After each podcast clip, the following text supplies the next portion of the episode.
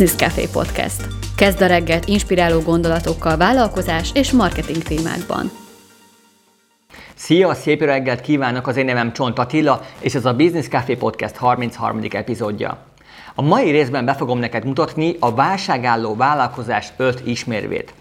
Ezeket a pontokat, hogyha olyan szemmel próbáld megnézni, hogy mi az, ami már neked megvan, akkor jó eséllyel győztesként kerülhetsz ki a válságból. Hogyha viszont ezek közül azért nem mindegyik van meg, akkor meg van egy támpont, hogy miket érdemes beépíteni a vállalkozásodba. Elsőként is nézd meg, hogy hogy bánsz a jelenlegi ügyfeleiddel, mennyire elégedettek a szolgáltatásoddal. Mert ezen múlik minden. Mert hogyha olyan szolgáltatást tudsz nyújtani, amit az emberek szeretnek, amivel meg vannak elégedve az ügyfeleid, akkor ott már félig nyert ügyed van.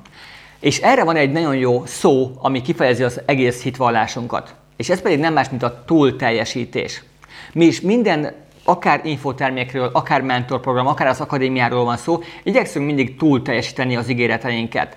És hogyha ez a mindset fogja körüljárni neked is a vállalkozásod, hogy mindig azon fogsz gondolkozni, hogy hogy tudnám még többet adni, amit ígértél, akkor, akkor ez, egy, ez egy egész jó irány lehet amúgy hosszú távon, másrészt rövid távon is. És ez azért fontos, mert nagyon sok olyan vállalkozás van, ahol inkább csak a pénzre mennek. És rengeteg mindent elkezdnek ígérni, viszont annak egy icipici része, vagy még annyi se valósul meg a gyakorlatba. És itt viszont az ügyfél élmény az csorból. És hogyha te mondjuk ezer vállalkozó közül mondjuk vagy az a kettő vagy három, akik viszont túl teljesítenek, akik többet adnak, mint amit ígérnek, akkor tudja, hogy akkor hozzád fognak a legtöbben majd menni, mert elkezd majd terjedni a neved, és nyilván pozitív értelemben fog elterjedni a neved. A következő nagyon fontos gondolat, amivel tényleg válságállóvá tudod majd tenni a vállalkozásod, hogyha folyton jelen vagy a közösségi médiában. Mert gondolj csak bele, hogy az emberek azoktól a vállalkozásoktól vásárolnak előszeretettel, akik ott vannak rendszeresen, akik mindig értéket adnak, akik mindig a, építik a bizalmat, és törekednek arra, hogy a legjobban szolgálják a követőiket, meg nyilván a leendő vásárlóikat. És hogyha te ezt jól tudod csinálni, és aktív tudsz lenni a közösségi médiában, akár a Facebookon, akár az Instagramon, akár a YouTube-on, akár a TikTokon, teljesen mindegy, mert azok az emberek, akik az adott platformon követnek téged, akkor ők tényleg ott szeretnek téged, követnek, várják már a tartalmaidat, és, és tudja, hogy amúgy ők előszeretettel fognak majd vásárolni is előbb-utóbb. Mondok egy saját példát. Nekünk az egyik fő kommunikációs csatornánk, akár az e-mail, vagy a közösségi média kommunikációval, az pedig a Facebook csoportunk. És nem ritkán van az például, hogy valaki évek óta követ minket, akár a csoportba, akár az e-mail listámon, és csak az után hozza meg a vásárlási döntést. Volt olyan egyébként, volt már olyan mentoráltam, aki még a fitvolkos időszakból követ követ engem, az meg 2011-12-es időszakra nyúlik vissza. A következő gondolat, amivel válságállóvá tudod majd tenni a vállalkozásod, hogyha stratégiába és folyamatokba gondolkozol. Szóval nézd meg, hogy összességében az a akár a kampány, akár az egész vállalkozásodnak a struktúrája, hogy van felépítve, hogy mennyire van jól megtervezve az, hogy beteszel mondjuk 100 ezer forintot, és a hónap végén kijön mondjuk 500 ezer forint. Mert hogyha jól fel van építve a folyamat, és akár ez le is van dokumentálva, és mindig optimalizálsz rajta, akkor tudja, hogy akkor egyre, egyre jobb bevételre fogsz tudni majd szert tenni. Azok az emberek, azok a vállalkozások fognak majd elbukni a mostani leendő vagy közelgő válságba, akiknek semmiféle stratégiájuk és semmiféle folyamatok nincsen kidolgozva. És nagyon fontos, hogy legyen mindenképpen A-terved, legyen B-terved, legyen C-terved, legyen D-terved, mert hogyha egy adott kampányt megtervezel, és van B-terv, és az A terv az nem hozza az adott kívánt számokat, vagy az elvárásaidat, akkor egyből hozzá tudsz nyúlni már akkor a B tervedhez. És a legtöbb ember, és ez nem csak a vállalkozásra húzható rá, hanem az élet bármely más területére is, Azért szoktak elkezdeni félni, mert kilátástalan a jövőjük, mert nincsen megtervezve, nincsen stratégiájuk azt illetően, hogy mi van akkor, hogyha ez meg ez az adott negatív dolog megtörténik.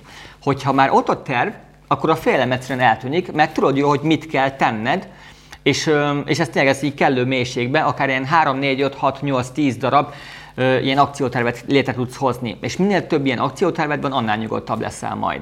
A következő ismérve egy válságálló vállalkozónak pedig az, hogy amit tud, az automatizál, vagy pedig marketingrendszert épít. És ez nagyon-nagyon fontos, hogy nézd meg, hogy te is a mostani vállalkozásodban mit kellene automatizálnod, vagy mit lehetne még jobban csiszolni rajta, vagy mire tudnál egy marketing rendszert felépíteni. Marketing rendszer alatt értem akár az ügyfélszerzést, a kommunikációt, a kampánytervezést, egy egész kampányt le lehet automatizálni, meg brutál jól egy marketing rendszert mögé lehet tenni. Vagy akár munkaerő kiválasztásra, meg delegálásra is lehet marketing folyamatokat kialakítani. Szóval nézd meg, hogy mit tudnál a vállalkozásodba automatizálni, vagy hol tudnál valamilyen marketing folyamatot kialakítani. Mert hogyha ezt tényleg jól csinálod, akkor fel tudod magad készíteni, meg az egész vállalkozásod fel tudod majd készíteni a leendő közelgő válságra.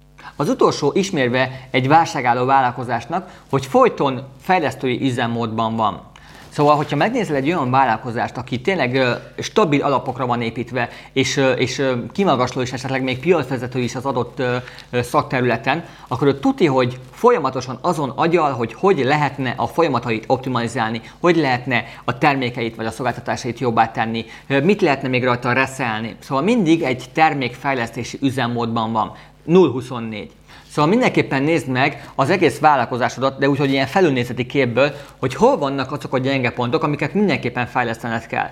Mert egy vállalkozásnál úgy szokott lenni, hogy mindig a leggyengébb láncem, mint egy, mint egy hajón a vasmacska tartja vissza a fejlődéstől. És hogyha ezeket a gyenge pontokat fel tudod térképezni, és ezeken tudsz javítani, akkor ott egy drasztikus növekedés lesz globális szinten az egész vállalkozásodban. Szóval nézd meg, hogy mindig a leggyengébb pontokat fejleszd elsőként, utána meg nézd meg, hogy mit tudnál még fejleszteni, mit tudnál jobbá tenni, akár a marketing rendszert, akár az ügyfélszerző folyamataidat, akár a weboldalt, a, a, nem tudom, egy csomó mindent mondhatnék most. Szóval nézd meg, hogy mit tudnál folyamatosan fejleszteni. Hogyha szeretnéd, hogy segítsek a gyenge pontoknak a feltérképezésébe, vagy akár az egész vállalkozásodat átnézni, akkor mindenképpen írd meg kommentbe, hogy Ati, szeretném, hogyha segítenél a vállalkozásomba, és felveszem veled a kapcsolatot. Köszönöm szépen, hogy megnézted a mai Business Café podcastet, holnap jövünk a következő résszel, addig is jó válságállósítást és sikeres vállalkozásépítést kívánok!